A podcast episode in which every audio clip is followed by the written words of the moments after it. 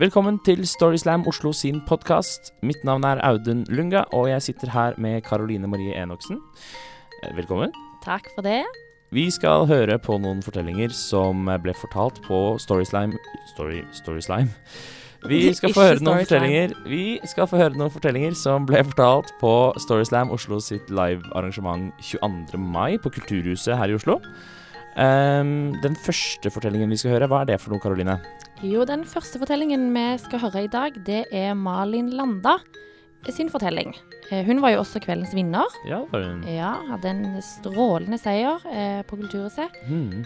Eh, og hun fortalte jo om eh, ja, hvor ille ting faktisk kan gå på fredag den 13.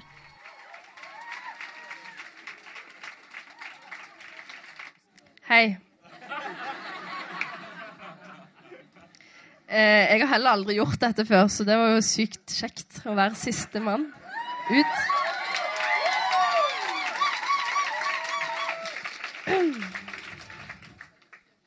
Jeg heter Malin, jeg er 26 år, og jeg er singel. Jeg blir flau. OK. Eh, begynner jeg nå, eller er det OK, jeg begynner nå. Jeg skal fortelle om en spesiell dag i mitt liv. Em, Det var 13. februar 2009. Nærmere bestemt fredag den 13. februar. Og det var denne dagen jeg skulle få førerkortet. Jeg husker jeg tenkte når jeg fikk eh, datoen for oppkjøring, så tenkte jeg sånn Ja, OK. Ja, ja, jeg kan, jeg kan godt være hun jenta jeg som får lappen på selveste ulykkesdagen. Fredag den 13. februar. Kan bli kult, det. Det var en nydelig dag i Stavanger. Det var strålende sol. Jeg hadde avtalt med pappa at jeg skulle få låne bilen hans, for jeg skulle jo få lappen. Og jeg skulle hente venninnene mine på skolen.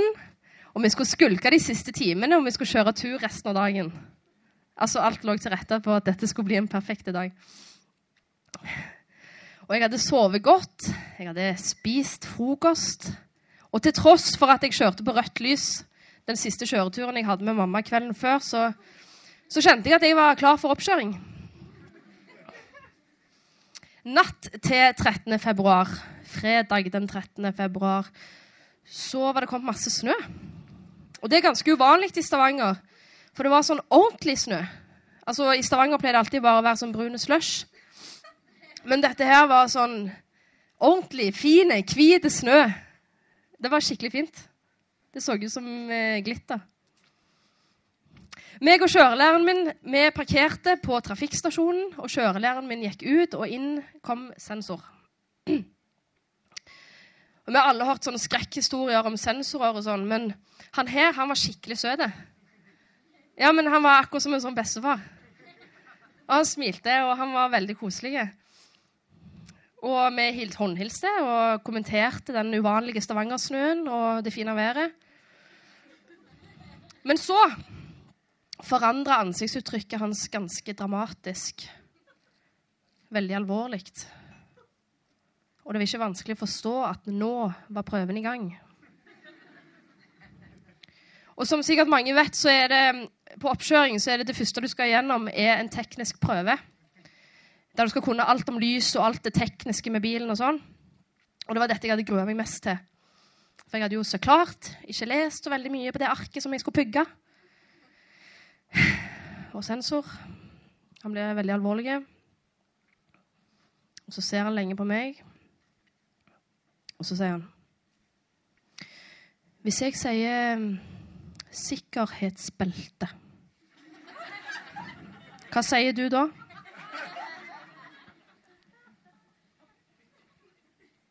Tankerekka mi gikk sånn her. Fuck, fuck. Hva da sikkerhetsbelte? Det sto ingenting om det. Satan. Um, Eh. At det er At det er veldig viktig for sikkerheten. Mm. Ja. Men hvordan fungerer det?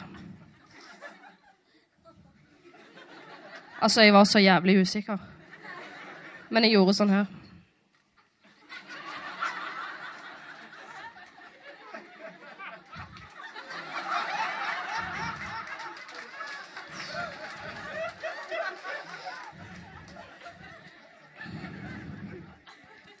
Ja, fint, da kan du kjøre. Det var hele den tekniske prøven.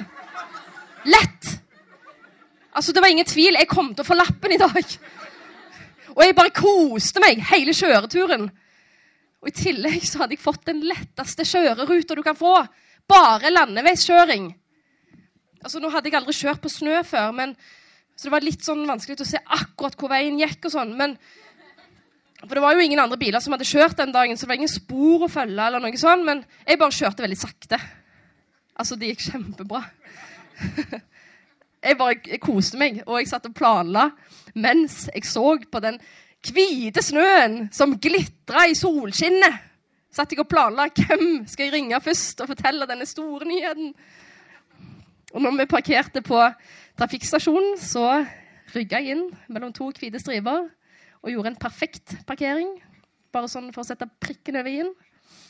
Og så snur jeg meg og ser på sensor. Og han ser ned i papirene sine. Veldig lenge, altfor lenge. Og så sier han Beklager, men jeg må stryke deg.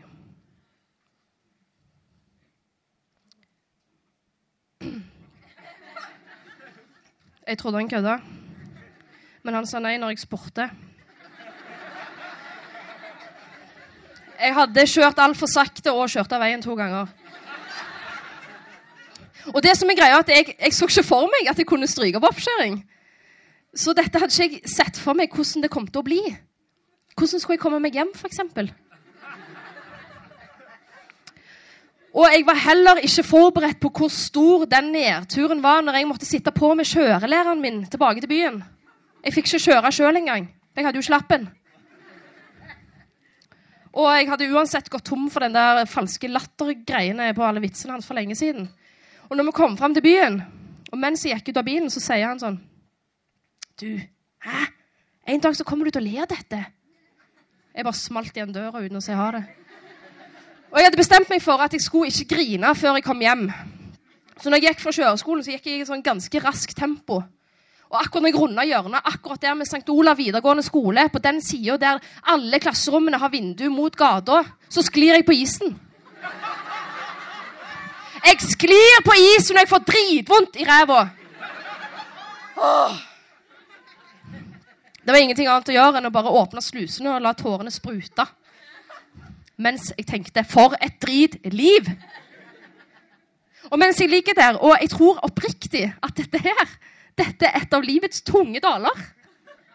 Så kommer der ei 163 år gammel dame med rullatoren sin og spør om jeg trenger hjelp.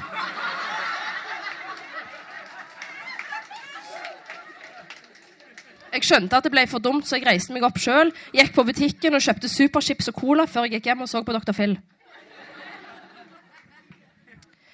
PS. Jeg fikk lappen 1. april, og da var det ingen som trodde på meg.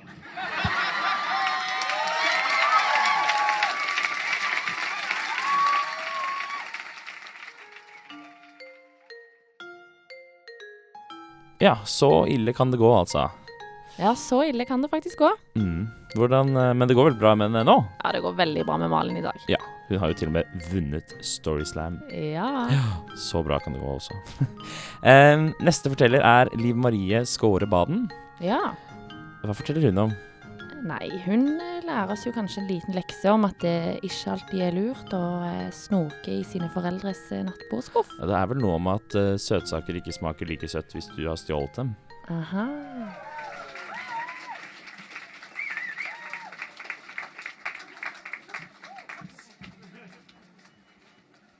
Hei. Jeg må bare ta av meg gummistøvlene. Sånn. Hei, jeg heter Liv Marie. Eh, Jeg er eh, 39 år.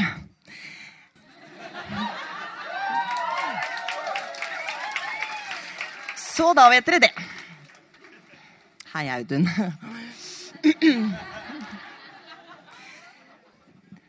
Ok.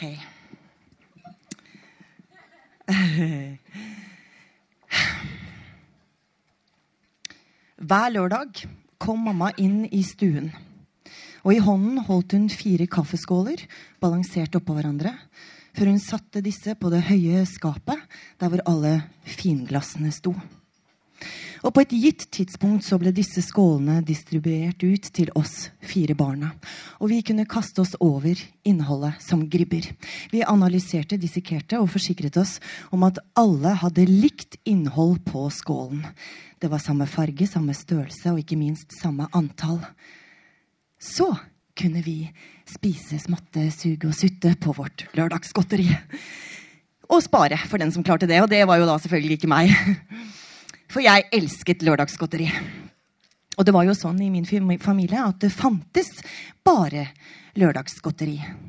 Jeg kunne ikke forstå hvorfor ingen hadde funnet opp uh, mandagsdrops, f.eks. Eller onsdagsbrus. Hva med torsdagsskillingsboller? De smaker jo mye bedre på torsdager. Unntaksvis, f.eks. hvis noen hadde bursdag.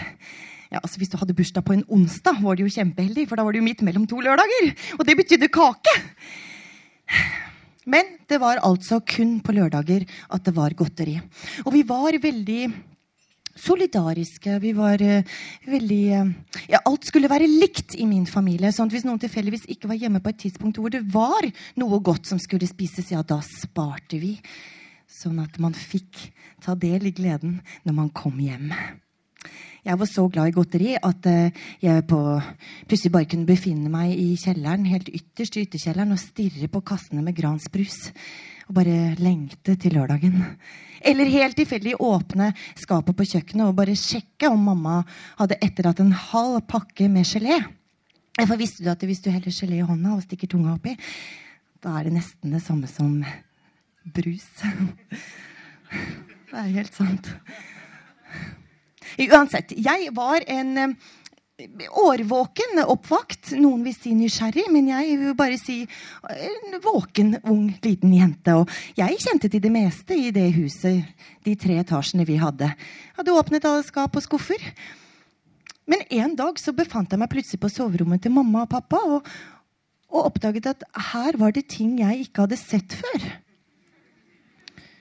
Eh, altså I klesskapet til mamma hadde jeg jo vært, og, og alle slipsene til pappa hadde jeg prøvd. Men, men, der så jeg til min store overraskelse at på hver side av sengen så sto det to kommoder. Og de var uoppdaget. Ja, så jeg bare tittet meg over skulderen til venstre og, og bare forsikret meg at det ikke sto noen i gangen. Og så gikk jeg bort til nattbordkommoden til mamma og åpnet den øverste skuffen. Den var tom. Så jeg åpnet den andre i skuffen. Der lå det en huskeliste og en ihjeltygget blyant. Så jeg gikk rundt sengen og så satte jeg meg på pappas side og bare tittet meg forsiktig over skulderen til venstre for å se at det ikke sto noen i gangen. Og så åpnet jeg den øverste skuffen. Den var tom. Så åpnet jeg den andre skuffen. Og der, til min store overraskelse, der lå det sukkertøy! Satt pappa der på sengekanten midt på en vanlig tirsdag og spiste sukkertøy helt aleine. Uten å dele med oss andre. Noe så urettferdig.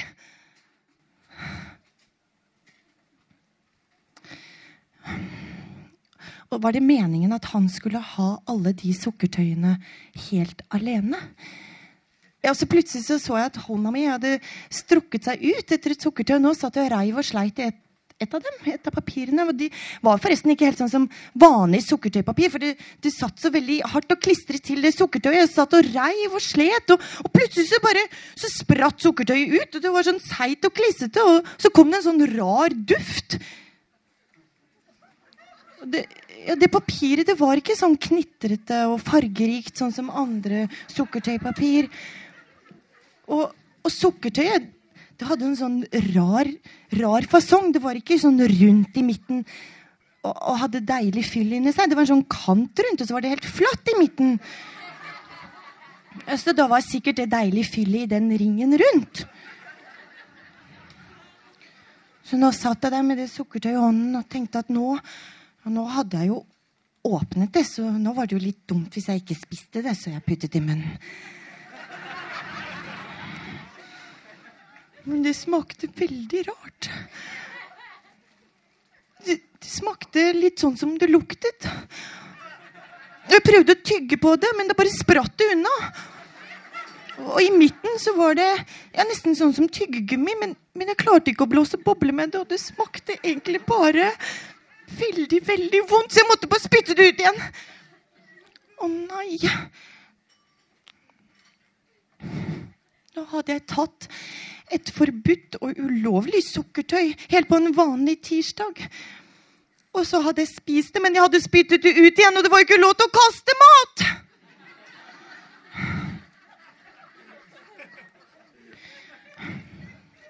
Med alle mine synder og skam så tenkte jeg at jeg måtte fjerne mine spor.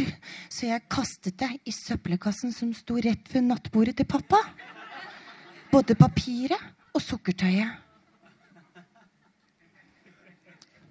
Jeg vet ikke om noen oppdaget det i søppelbøtten noen gang, for jeg ble aldri spurt.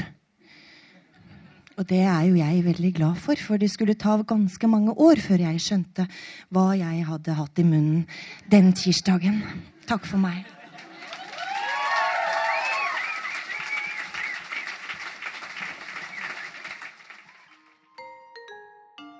Ja, nå har jo jeg hørt at det går an å blåse kanskje ikke bobler, men ballonger i hvert fall. Ja, ballong går. Ja. Du Ja. har bred erfaring med feltet, Karoline. Ja, Har ikke alle det, da? Jo da. Eh, det er slutten på podkasten for denne gangen. Eh, neste Storyslam liveshow vet vi ikke egentlig helt når det blir. Nei, kanskje ikke helt nå. Nei, men, Men det blir i hvert fall til høsten. Ja. eh, På Kulturhuset. mhm. Eh, begynnelsen av september, kanskje. Sånn, ja. Rett- Månedsskiftet august-september. ja, sånn rett etter at alle har fått studielånene sine. Ja. Perfekt. Um, hvis du vil vite mer om Storyslam Oslo og hva vi holder på med i mellomtiden, så kan du finne oss på Facebook og Instagram og Twitter. Ja. Eller, Eller- ja, kanskje ikke Twitter, men to av tre er i hvert fall et godt utgangspunkt. Ja. Um, vi har også denne podkasten som man kan følge, som kommer ut med ujevne mellomrom. Mm -hmm. um, ja. Er det noe mer å si om det? Nei, jeg tror ikke det er noe mer å si om det. Takk og farvel. Ha det.